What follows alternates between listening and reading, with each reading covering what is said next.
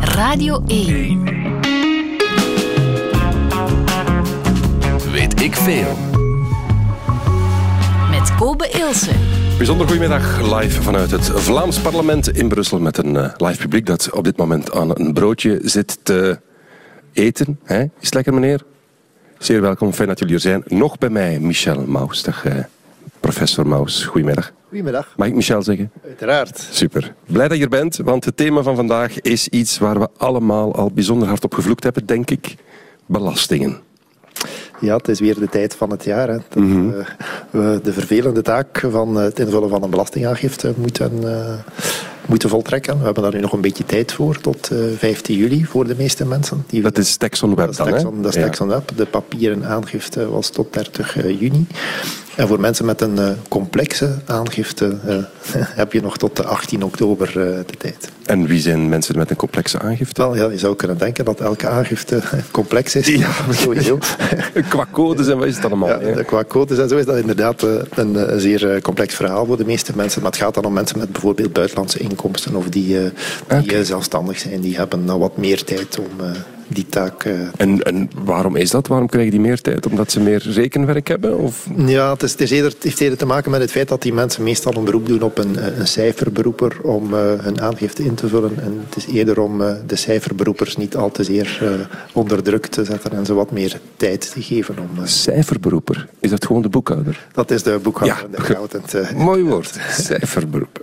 Cijferberoeper. Cijferberoeper. Ja. Mooi, nooit gehoord. Nooit gehoord. Voilà, het gaat dus in weet ik veel over uw belastingen, onze belastingen. Dat geld dat we allemaal eigenlijk met grote tegenzin betalen, maar wat denk ik wel nuttig is. Michel? Wel, uh, daar staat uh, toch redelijk wat frustratie tegenover, tegen, tegenover het betalen van belasting. Maar we, zijn eigenlijk, we staan veel te weinig stil bij, bij het fiscaal systeem en bij onze verzorgingsstaat. En wat die allemaal eigenlijk voor ons, uh, voor ons betekent. En ja. dat is toch wel iets wat ik mis, is, is de, de fiscale dankbaarheid. Dat is misschien een raar, een raar woord, maar in het algemeen vind ik dat we eigenlijk wel te weinig dankbaar zijn voor wat de maatschappij voor ons kan betekenen. Ik dacht even dat je zei dat we te weinig belastingen betalen. Maar dat, dat ga ik niet van jou horen, denk ik. Nee, nee, nee. Maar, maar de, ja, de, tegenover het betalen van belasting, daar staat natuurlijk wel iets tegenover. En dat, dat, dat wordt vaak of al te vaak okay. uh, vergeten. Ik geef ik meestal aan mijn studenten uh, het, uh, het klassieke voorbeeld van het collegegeld voor de, de hogeschoolstudenten. Dat bedraagt in Vlaanderen denk ik 900 tot 1000 euro. In de Verenigde Staten en in Groot-Brittannië is dat 20, 25.000 per, per academie. Per academiejaar. Um, ja, dat is, het is niet, en het is niet zo dat we, dat we met die 900 euro eigenlijk alle kosten kunnen dekken om, om, een, om iemand een jaar te, te laten studeren. Ja, ja. Dus dat kost veel meer en dat wordt dan natuurlijk gesubsidieerd met, met belastinggeld. Mm -hmm. Maar het kan anders. We kunnen, we kunnen het doen met veel minder belastingen. Maar daar staan natuurlijk ja, keuzes tegenover. Zoals 20, 25.000 euro per jaar uh, collegegeld moeten betalen. Korte enquête hier bij de mensen. Steek je vinger op wie betaalt uh, graag belastingen? Ach, toch? Toch een derde? Wie betaalt er niet graag belastingen? Ja, er wordt wat getwijfeld. Goed. Er is veel om over te praten in dit uur, weet ik veel. Fijn dat u luistert en zeer welkom. BTW, dat is voor de opslag op zekere dingen, hè, meneer. Op zekere marchandisen, hè. De ene zegt zo en de andere zegt anders. Ik had het tot hier toen nog niet goed begrepen. Belasting op de toegevoegde waarde, hè. Ah, dat zijn de prijzen die verhogen. Dat is dat zeker zo, dat de prijzen van de ene zal afslogen en de andere zal wanneer opslogen, hè. Kwijt dan eten? BTW, ja. In het Frans is dat uh, TVA, zeker. Hè? Weet u wat BTW is? Nee, ik ben, ik ben niet bekend in de, in de stad hier, hè. U bent hier niet bekend? Nee, ik ben, ik ben ik van Deulen, hè. Schitterend. BTW, ja, ik zit niet van hier. Michel Maus, professor van de, aan de VUB verbonden, uh, fiscaal expert. Betalen wij nu in Vlaanderen, zijn wij nu echt wereldkampioen belastingen betalen? Dat is zo'n cliché dat boven ons hoofd hangt. Klopt dat nu eigenlijk? Uh, dat is een beetje genuanceerd. Het klopt uiteraard dat we met onze belastingdruk zeer hoog staan in de internationale ranking. Mm -hmm. We hebben de gemiddelde belastingdruk en dan heb je ook uh, ja, belastingdruk per thema. Wat de gemiddelde belastingdruk uh, betreft staan we eigenlijk volgens de laatste statistieken van de OESO e op plaats 4. Na respectievelijk Denemarken, Frankrijk, Italië en dan komen wij met een belastingdruk van 42 procent berekend in functie van het bruto binnenlands product. Dus alles Mhm. wat we aan goederen en diensten produceren, de waarde van de economie. Ja. 42% daarvan gaat naar, eh, naar de overheid. Daarmee staan we op plaats, plaats 4. Maar als we dan ehm, wat meer gaan eh, specifieren naar eh, thema, thematieken, dan heb je de belastingdruk op arbeid. En daar hebben we toch wel een probleem, omdat eh, ehm, de OESO ook sinds 2000, sinds het jaar 2000, elk jaar een rapport uitbrengt over belastingdruk op arbeid. En dan blijkt de Belgische alleenstaande zonder kinderen al eh, 22 jaar op de eerste plaats eh, te staan als eh, ja, meest belaste burger in de volledige OESO-gemeenschap eh, op arbeid. En de OESO, dat is niet alleen de Europese Unie, dat is echt Ja, dat globaal. Is, dat is globaal, ja. En, en dat, ja, dat impliceert dat eh 52,6 procent van het arbeidsinkomen van die arme alleenstaanden zonder kinderen naar de overheid gaat. Dat is dan, dan voor een gemiddeld inkomen. Voor de hogere inkomens gaan we naar eh 59 procent. Wat dus ja, krankzinnig, krankzinnig hoog is. En, Dus, ja, dus nergens ter wereld is het verschil tussen bruto en netto zo groot als Ja. hier in Vlaanderen of België? Wat moet ik in? België, in België. In Ik België. over de Belgische situatie. Ja, want we zitten vandaag in het Vlaamse parlement. Mhm.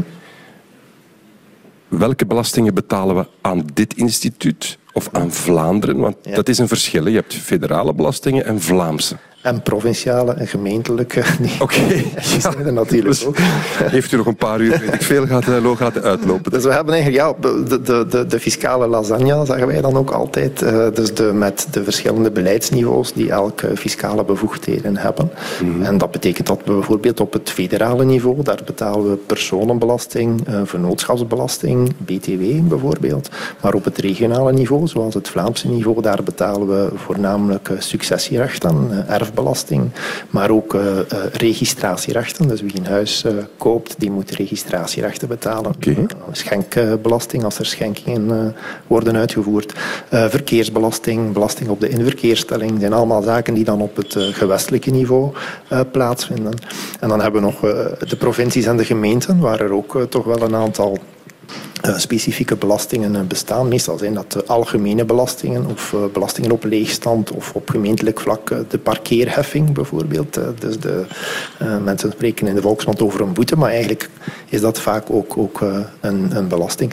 En zo, zo gaat elk niveau eh, met een stukje van de koek lopen. En we zien Ja. ook, ook het, eh, soms het verhaal van aanvullende belastingen. De personenbelasting bijvoorbeeld is een federale belasting, maar daar kunnen de gewesten een aanvullende belasting opheffen en daar kunnen de gemeenten een aanvullende belasting opheffen. En tenzij dat je in Knokke, Kokzijde of de Pannen woont, zal elke Belgische gemeente daar eh, ook een... Ah, dat is ja die gemeentebelasting, tuurlijk. Ja, ja, ja. ja. Dus het, is, het, is, het maakt natuurlijk ook dat het een ongelooflijk complex verhaal is van, van, van regeltjes, regeltjes die, die elkaar vaak ook, ook tegenspreken. En, en, en ja, bijzonder, bijzonder complex.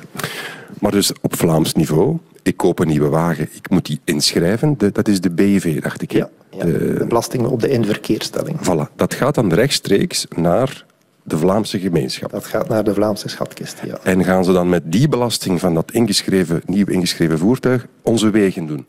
Of wordt dat in een grote pot gedaan? Hoe, hoe, hoe werkt zoiets dan? Wel, dat hangt natuurlijk allemaal eh, samen met de bevoegdheden die aan elk eh, beleidsniveau gekoppeld zijn. Dus daar hebben we staatshervormingen voor eh, gehad die zeer zwaar politiek bediscussieerd zijn. En zo heeft elk niveau eigen bevoegdheden en moet dus, ja, ja, koken kost geld, moet dus voor de centen zorgen om iets met die bevoegdheden te kunnen, te kunnen, te kunnen doen. En het verhaal van, van wegen, ja, er zijn gewestwegen, maar er zijn ook de autosnelwegen, die zijn dan weer eh, federaal, als ik mij, mij niet vergis. Dan heb je ook nog ja, de provinciewegen, et cetera. Dus elk niveau moet voor zijn eigen winkel zorgen. Dus die belasting die ik op mijn wagen betaal, gaat niet per definitie naar de wegen of de Nee, infrastructuur? die komt gewoon in de globale Vlaamse eh, schatkist terecht. En die wordt dan gebruikt voor ja, onderwijs, eh, cultuur, mobiliteit, noem maar op. En dat is wat men noemt dan de begroting. Dat is de regering die beslist wat ze met dat Met belastingsgeld allemaal gaan doen. Yes. Enig idee wat dat op, op Vlaams niveau is? Ja. Ehm, als we naar de begroting van eh, 2023 eh, kijken, dan eh, ja, spreken we toch over een, een, een 60 miljard eh, euro. eh, die dan, als we naar de grootste posten kijken op het Vlaamse niveau, voornamelijk gaan naar eh, onderwijs. Daar gaat dan 17 eh, miljard eh, naartoe. Welzijn en volksgezondheid, daar gaan we 15 miljard aan, aan, spenderen. En cultuur, jeugd, sport en media, dat is dan zes, goed voor 6 miljard. En, en... Ja, ja, media is heel klein geworden. Heb ik mij laten vertellen. Dus het budget van een overheid is eigenlijk gewoon de optelsom van alle belasting die de inwoners betalen.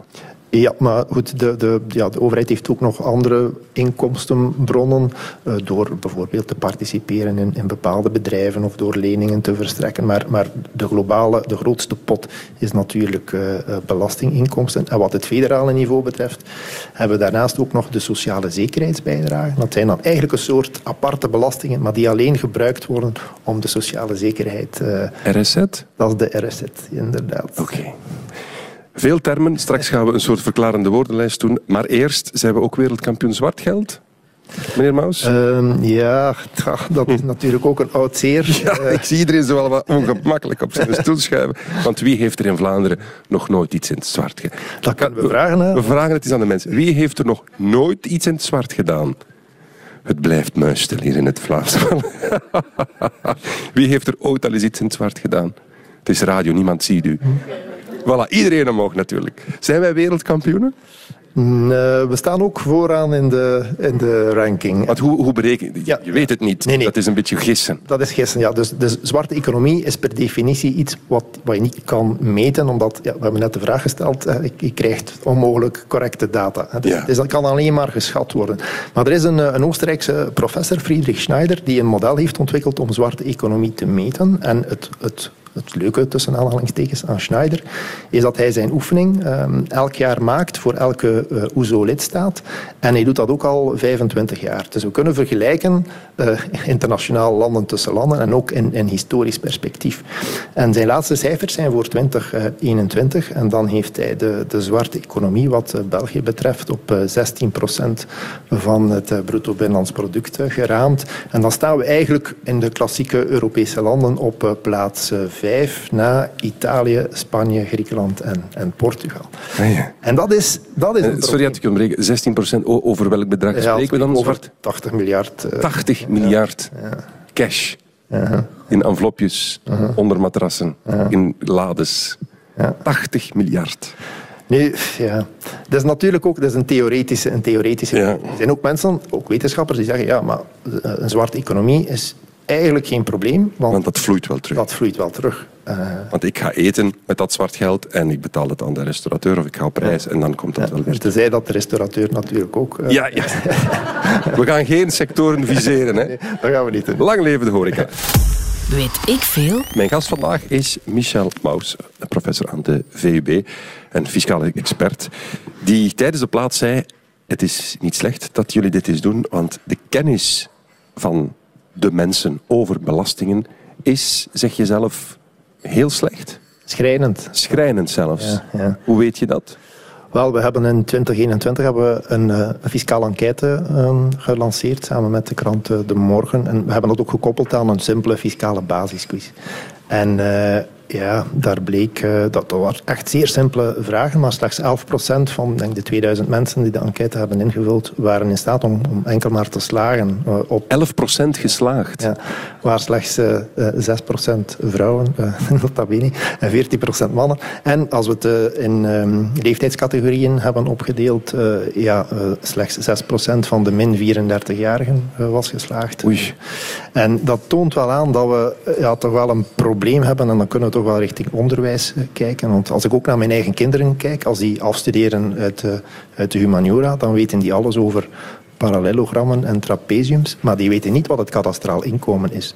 Terwijl ze dan toch ook 18-jarigen zijn en dus en geworden en ja. in de echte wereld stappen. En ik heb uh, bij het invullen van mijn belastingsbrief nog nooit een parallelogram moeten tekenen. Mm -hmm. ja, klopt. Terwijl ik moet wel weten wat mijn kadastraal inkomen is. Ja, absoluut. Ja, ja, ja. Dus eigenlijk pleit u voor geef geen vak belastingen, maar dat vak economie moet misschien ja, wel wat opgewaardeerd worden. Er moet wel fiscale basiskennis geïntegreerd worden. Ja. Want het is ook, ook er is heel veel frustratie. En ook heel, uit onze enquête bleek ook dat 89% van de, de mensen het fiscaal systeem onrechtvaardig vinden. Omdat ze het niet begrijpen waarschijnlijk. Maar ja, we kennen, we kennen er niks van, maar we vinden het onrechtvaardig. En, en uiteraard is daar het, het verhaal van de, van de kennis natuurlijk zeer, uh, zeer belangrijk voor. Als, als mensen weten wat belastingen zijn, waarvoor die ook worden gebruikt, dan gaan ze misschien ook meer uh, begrip opbrengen mm -hmm. en zal er minder frustratie zijn. En dat zal ook zijn impact hebben op de zwarte economie.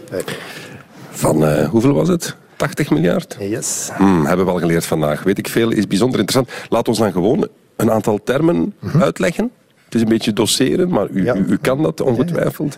Laten we beginnen bij accijnzen. Wat, is, mm. wat zijn dat precies? Want dat hoor ik noemen bij, als ik het goed heb, tabak en ja. van die dingen. Ja, Klopt dat? Accijnzen zijn, zijn, uh, is een vorm van, van belasting op uh, consumptie, uh, waar alleen bepaalde producten onder vallen. Dus alcohol, tabak, fossiele brandstoffen en nu sinds kort ook onze elektriciteit en, en gas. Ja. En dat zijn eigenlijk consumptiebelastingen die naast BTW bestaan. BTW is ook een consumptiebelasting. Dus voor uh, tabak bijvoorbeeld, gaan we en BTW en accijnzen uh, moeten betalen als we een, uh, een, pakje sigaretten kopen of als we een, een fles alcohol kopen. En die accijnzen, herinner ik mij uit de energiediscussie, die accijnzen zijn flexibel. Daar kan mee gespeeld worden. Daar kan mee gespeeld worden. Dus voor bepaalde zaken, zoals voor fossiele brandstoffen, heeft men, past men af en toe een kliketsysteem toe. Mm -hmm. men dat. dat betekent wanneer de prijzen door het dak gaan, dat men een systeem kan installeren waarbij de accijnzen dalen, zodanig dat het voor de consument een betaalbaar verhaal blijft. Omgekeerd, wanneer de prijzen zakken en de overheid minder inkomsten binnenkrijgt, Dan, uh, kan men er natuurlijk ook de accijnzen doen stijgen. Maar dus als ik een fles wijn koop of, of ik ga tanken, betaal ik eigenlijk twee keer belasting? Een dubbele belasting, ja, inderdaad. En dan wordt die BTW berekend inclusief accijnzen of exclusief accijnzen? Nee, de accijnzen worden ook op de BTW. Godverdomme. Dat hebben ze goed gezien. Laten we dan ja, bij BTW ooit geleerd belasting op toegevoegde waarde. Maar wat wil dat precies zeggen? Ja, dat is. Um, eigenlijk uh, als, als we een, een, productieproces bekijken van, van producten die worden uh, uh, samengesteld en dan op de markt gebracht, is het eigenlijk de bedoeling dat um, op, helemaal op het einde van de rit, als het product geleverd wordt aan de consument, dat er dan een BTW wordt uh, gerekend, eigenlijk een, een sales tax, hè, dus een, een, een verkoopsbelasting.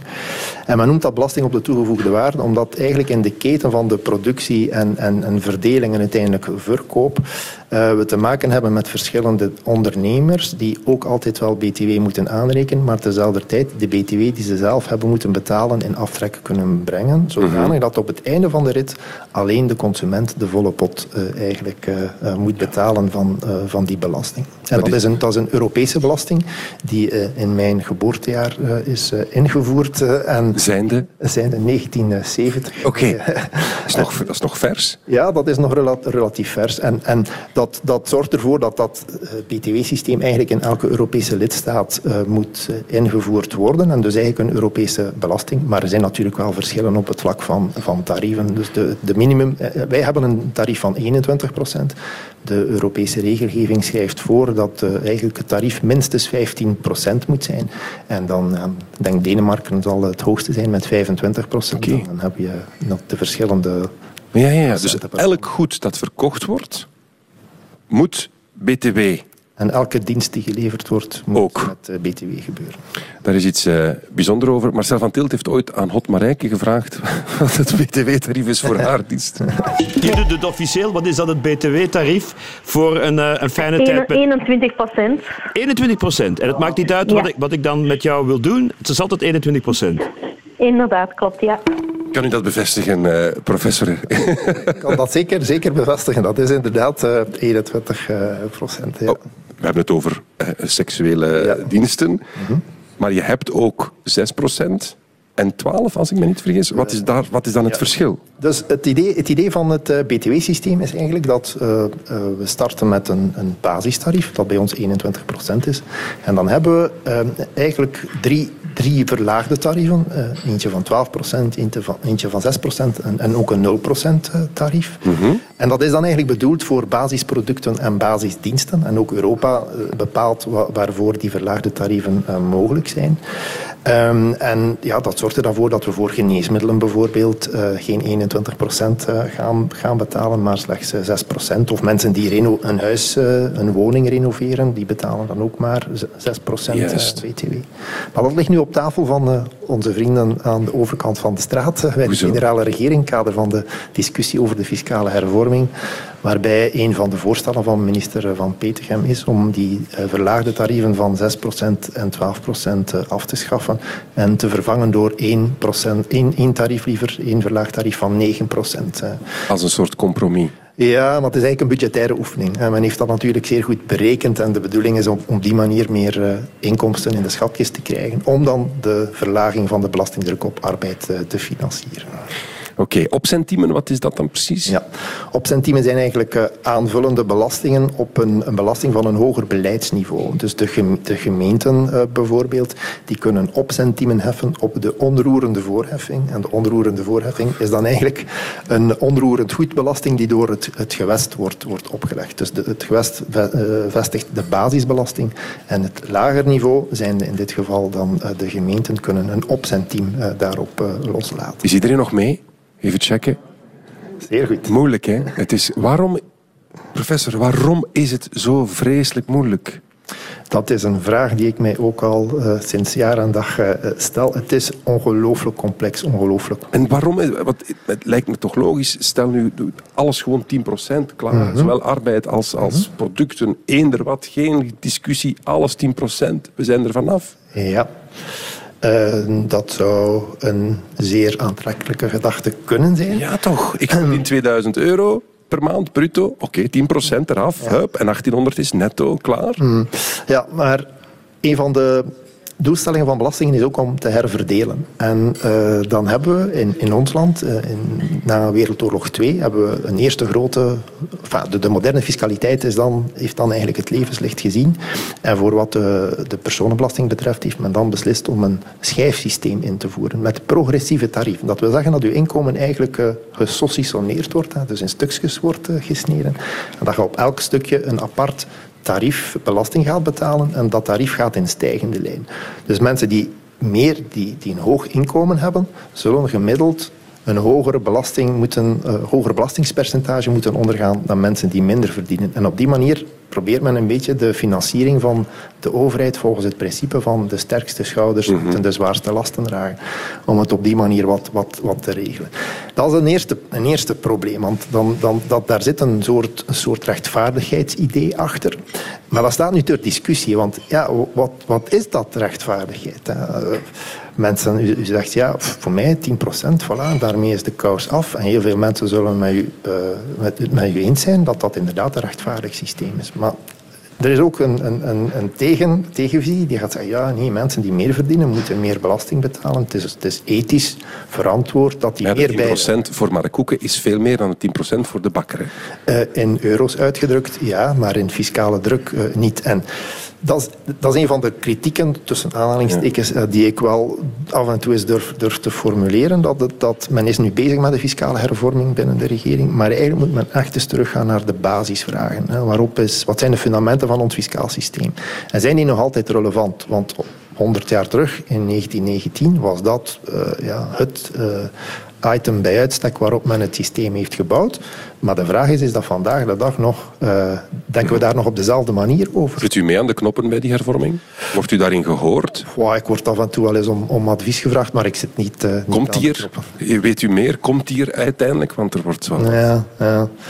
Goh, ik... Uh, de, als we kijken naar het regeerakkoord, uh, dan moet de huidige regering alleen een fiscale hervorming voorbereiden. Dus minister Van Petegem heeft zijn werk gedaan. Er is een fiscale hervorming voorbereid. Maar uiteraard, met een plan uh, ben je natuurlijk niks. Het moet ook geconcretiseerd worden. Dus ja, er, er lag wat mij betreft een zeer mooi, evenwichtig plan op tafel.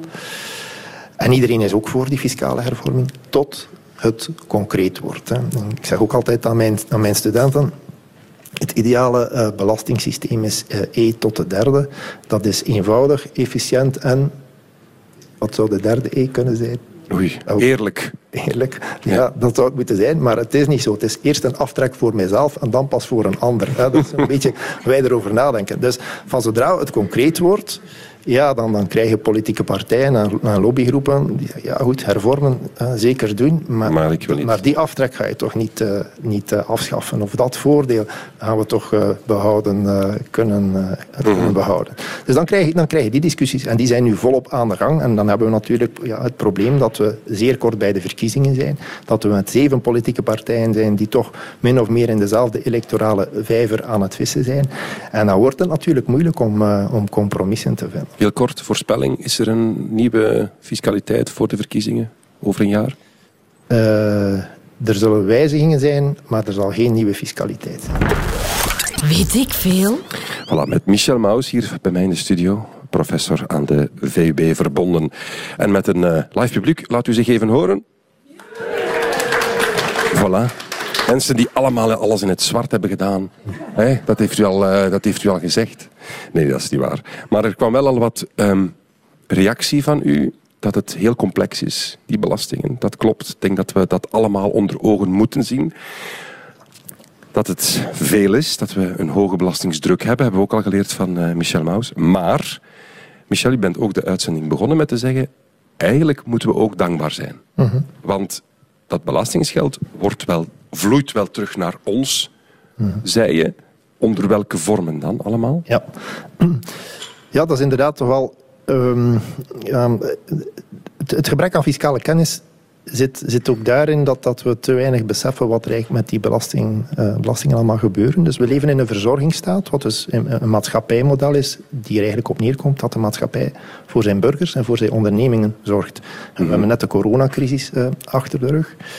Ja, daar hebben we toch wel met de verzorgingsstaat inspanningen geleverd om uh, ja, bedrijven overeind te houden. Om ook mensen die tijdelijk werkloos zijn geworden, om die, om die te ondersteunen. Gratis vaccins. Gratis vaccins. En ja. dat, dat kan alleen maar dankzij dat, dat, dat model. Maar dat, ja, een motor heeft brandstof nodig. En uh, in dit geval veel, uh, veel brandstof. Um, maar het functioneert, het functioneert wel. En we kunnen daar zeker kritiek over hebben, over de uitgaven van de overheid, waar we op moeten besparen, et cetera. Dat is absoluut het verhaal van het kern, kerntakendebat die ook uh, toch wel af en toe uh, opduikt. Maar ja, het zorgt er wel voor dat, dat zaken functioneren en blijven functioneren, ook als er crisissituaties mm -hmm. situaties zijn. Beginnen bij het begin. Wat is het totale pakket mm. dat wij aan de overheid geven elk jaar? Ja. Um, dus... Um, de, de overheid die communiceert daar ook over. Dus mensen, als je nu uw aangifte of uw, of uw aanslagbeleid binnenkrijgt, dan krijg je een overzicht van uh, wat de inkomsten zijn van de, van de schatkist en wat daarmee gebeurt. En als je naar de huidige aanslagbiljetten kijkt, dan kun je daar lezen dat de belastingen en de sociale bijdragen 278 miljard hebben opgeleverd voor, voor de schatkist. En dan staat daar mooi in de verdeelsleutel bij dat 20% van dat bedrag naar pensioenen gaat. 20? ja. Dat is, 20 procent. Dat is uh, 60 miljard gaat naar pensioenen en dat bedrag stijgt elk jaar met de vergrijzing. De dat is die vergrijzingsproblematiek. Ja. Uh, de tweede grootste pijler is gezondheidszorg. Dat is goed voor 15 procent of 43 miljard. Dat stijgt ook elk jaar. Heeft ook te maken met de ver, vergrijzingsproblematiek. Onderwijs is goed voor, voor 11 procent. En, en, zo kunnen we ja, er een aantal oplijsten. En de laatste die we dan kunnen terugvinden op, in, het tab in het tabel is defensie. En dat is 1,6 procent, goed voor 4,4 miljard euro. Maar eigenlijk volgens de NAVO, we zijn lid van de NAVO, moeten we mm -hmm. 2 procent spenderen aan, aan defensie. Dus daar hebben we nog een, een inhaalbeweging te maken. Ja, dus dat geld wordt besteed. We gaan er niet goed of slecht bij, bij -hmm. vertellen. Daarvoor zijn we hier vandaag niet. Dat geld wordt besteed. Maar ik hoor vooral die pensioenen en die sociale zeker, dat is een gigantische hap uit ons belastingsgeld. En onderwijs. En onderwijs. En onderwijs. Dat zijn eigenlijk de drie de grote... Pijlers, ja. Ja. Is dat anders dan andere landen? Want je zegt, wij hebben een verzorgingsstaat, dus het is goed dat wij zoveel belastingen betalen. Net daarom, is, is, is dat ons, ons pluspunt?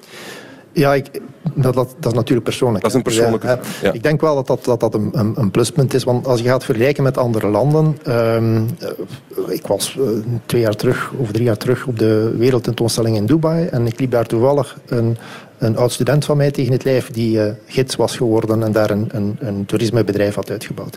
In Dubai betaalt hij geen belasting. Wij naar Dubai. wij naar Dubai. Maar je moet wel zichzelf verzekeren om, om ja, zijn sociale bescherming veilig te stellen.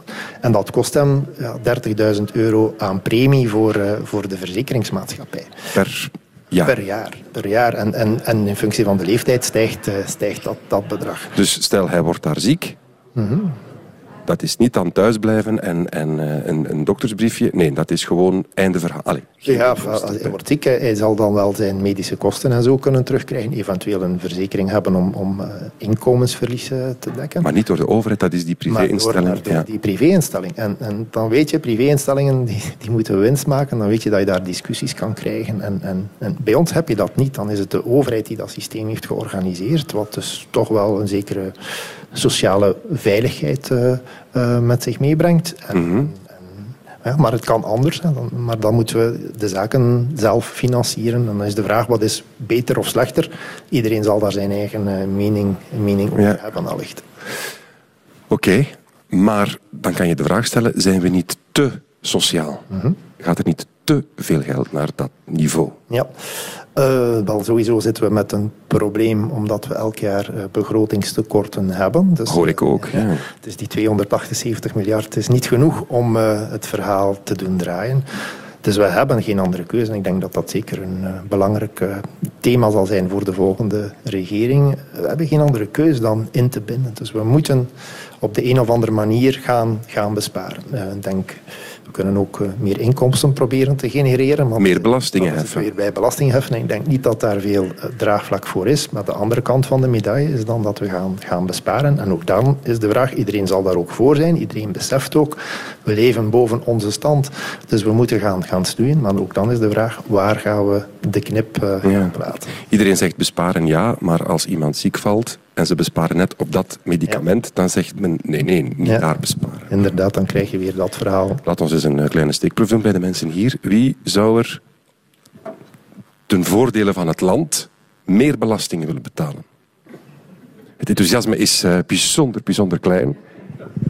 Ook niet als we daarbij de toekomst van onze volgende generaties veiligstellen. Dan zou er één mevrouw zegt, nee, jamais. Anderen denken dan, ik, ik weet niet of wij... Dit is natuurlijk een heel kleine steekproef. Maar elke politicus zegt dat dan, nee, we gaan de belastingen verlagen. Hè. Mm -hmm. Zou het draagvlak er toch niet kunnen zijn als we echt een plan hebben van... Mm -hmm. Dames en heren, we gaan een paar jaar doorvragen, maar dan lossen we het wel op. Ja. Zou dat belastingsdraagvlak er kunnen zijn, denk ik? Ja, ik vrees, ik vrees ervoor. En, maar maar er, zijn wel, er zijn wel interessante discussies op gang. Uh, we zitten hier in het uh, Vlaams, uh, Vlaams parlement. Mm -hmm. een van de, de, de belastingen die toch wel maatschappelijk onder druk staat, is de, de erfbelasting, de successierechten. Ja. Um, heel veel mensen vinden dat echt een onrechtvaardige belasting, terwijl het idee daarachter ook weer herverdelen is en zo. Maar we zien internationaal dat uh, 10 van de 27 EU-lidstaten ondertussen uh, erfbelasting hebben afgeschaft. En dat van de 17 andere die nog uh, dat wel doen, zijn er vaak zeer grote vrijstellingen. In Italië bijvoorbeeld betaal je als partner of als kind van maar erfbelasting als het uh, aandeel, de erfenis, meer dan 1 miljoen euro uh, bedraagt. Mm -hmm. Maar bij ons is dat vanaf, vanaf uh, euro 1, bij wijze van spreken. Maar we zouden die belasting kunnen afschaffen. Maar dat kost dan 1,6 miljard euro voor de Vlaamse schatkist. En dan is de vraag, hoe gaan we dat dan gaan, gaan compenseren? Want wat je afschaft, moet je ergens anders compenseren, want het geld ja. is nodig. What goes up must go down en omgekeerd. Ja. Dus je, hebt, je hebt die centen nodig, tenzij dat je ergens gaat besparen of nieuwe inkomstenbronnen gaat, gaat zoeken. Door bijvoorbeeld onze studenten 25.000 euro per jaar te laten betalen voor een collegegeld, dan heb je budget genoeg om de erfbelasting af te schaffen. Alleen is de vraag, willen we dat of willen we dat niet? Ja. Is dat rechtvaardig, die successierechten? Want dat is toch geld dat vergaard is door een persoon, heeft daar belastingen op betaald, ja. heeft zijn kadastraal inkomen, heeft een onroerende voorheffing, alles gedaan, mm. komt te overlijden. Mm. Mm -hmm. En dan moet daar, dat, gaat, dat, dat tikt stevig door. Ja ik heb er nog nooit persoonlijk mee te maken gehad, maar ik hoor, ja. laat mij vertellen dat dat soms gaat over het huis verkopen om de succesrechten te kunnen betalen. Is dat rechtvaardig? Uh, het idee, want dat zijn belastingen die, die tot de oudste van ons belastingssysteem behoren. Het idee erachter was destijds uh, herverdelen. Ervoor zorgen dat de, de, de, financiële macht niet te sterk geconcentreerd was bij bepaalde uh, families bijvoorbeeld. Hè. Wat een mooi idee is. Wat een mooi Ja. idee is. Alleen, als we de dag van vandaag naar erfbelasting kijken, ja, dan, dan is de vraag wie betaalt dit nog? En dan komen we eigenlijk bij Jan Modaal terecht. Want vermogende families ehm, die eh, zijn in staat om zich te laten begeleiden om aan successieplanning te doen. En dat zijn dan juridische systemen die uitgedokterd worden om te ontsnappen aan die, aan die erfbelasting. Dus op dat vlak heeft die belasting zijn doel wat, wat voorbij geschoten. Maar het is ook voor een stuk te begrijpen, omdat die belastingdruk veel te hoog is. Als we de belastingdruk zouden kunnen... Nu is, is in, in Vlaanderen het eh, in, in rechte lijn, dus ouders, kinderen of tussen partners, is het eh, hoogste tarief 27 eh, procent.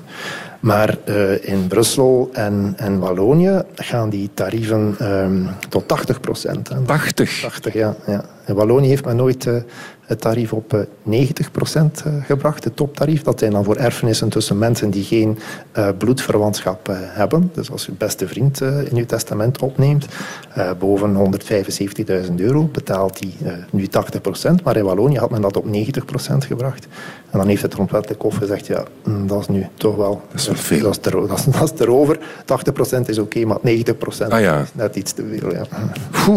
Maar in Vlaanderen is dat, heeft men eigenlijk wel al wat, wat hervormd eh, op dat vlak. En, en daar is het ja, toptarief eh, 55 procent. Ehm, nog iets over de muziek. Je zei daarnet, oh, What If We All Stop Paying Taxes is een nummer dat ik wel graag zou horen en is Ja. toepasselijk in deze uitzending. Ja. Waarom? Wel, eh, ja, het is een, ik kom mij ook wel soms een beetje bezig. Ik ga toch regelmatig eens eh, de boer op om eh, wat eh, eh, uiteenzettingen te gaan geven overal, overal te velden. En probeer ik de mensen ook altijd wat te laten, te laten nadenken. En dat is zo'n mooi, mooi nummer eh, van Sharon Jones en de Dap Kings. hè, die Ja. toch wel wat, wat is, is de mensen goed doet nadenken over wat, wat zou er nu gebeuren als we daar hier gewoon mee zouden stoppen met belasting, belasting betalen. Oké. Ja, dan valt alles stil. Hè. Dan valt eh, dit parlement stil, dan valt de VRT stil, dan valt de VUB eh, stil, dan valt het openbaar vervoer stil. Dan valt alles gewoon stil. Dames en heren, laten we nog eens horen. Voilà. Het, het, het doet iets met mensen, eh, Michel, belastingen.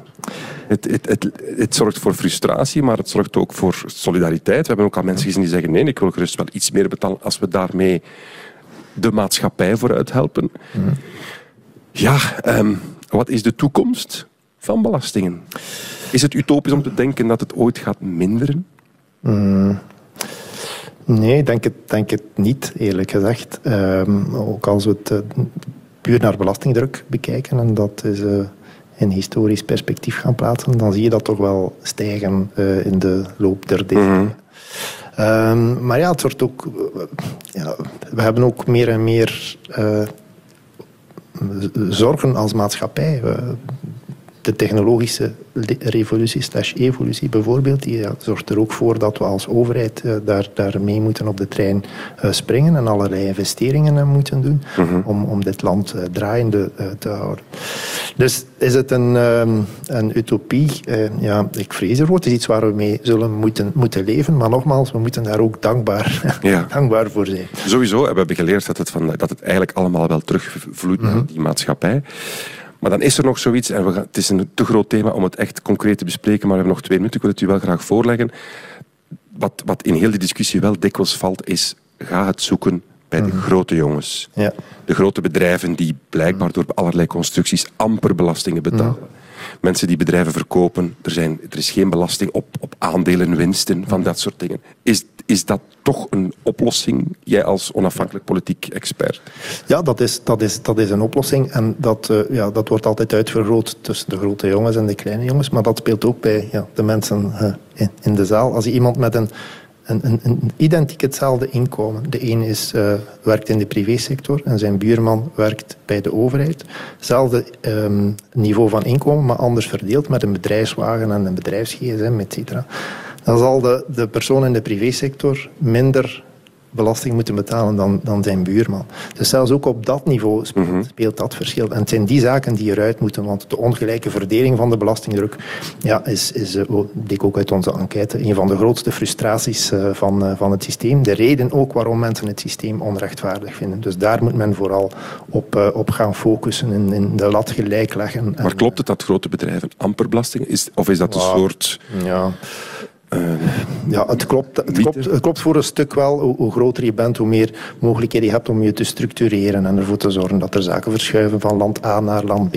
Maar ook daar is de internationale gemeenschap toch al mee aan de slag gegaan. En er is vorig jaar dan de, de fameuze minimumbelasting voor multinationals eh, ingevoerd, die dan een OESO-initiatief was en die dan wereldwijd wordt, wordt uitgerold. Dus men pro- probeert wel stappen te zetten. Oké, goed.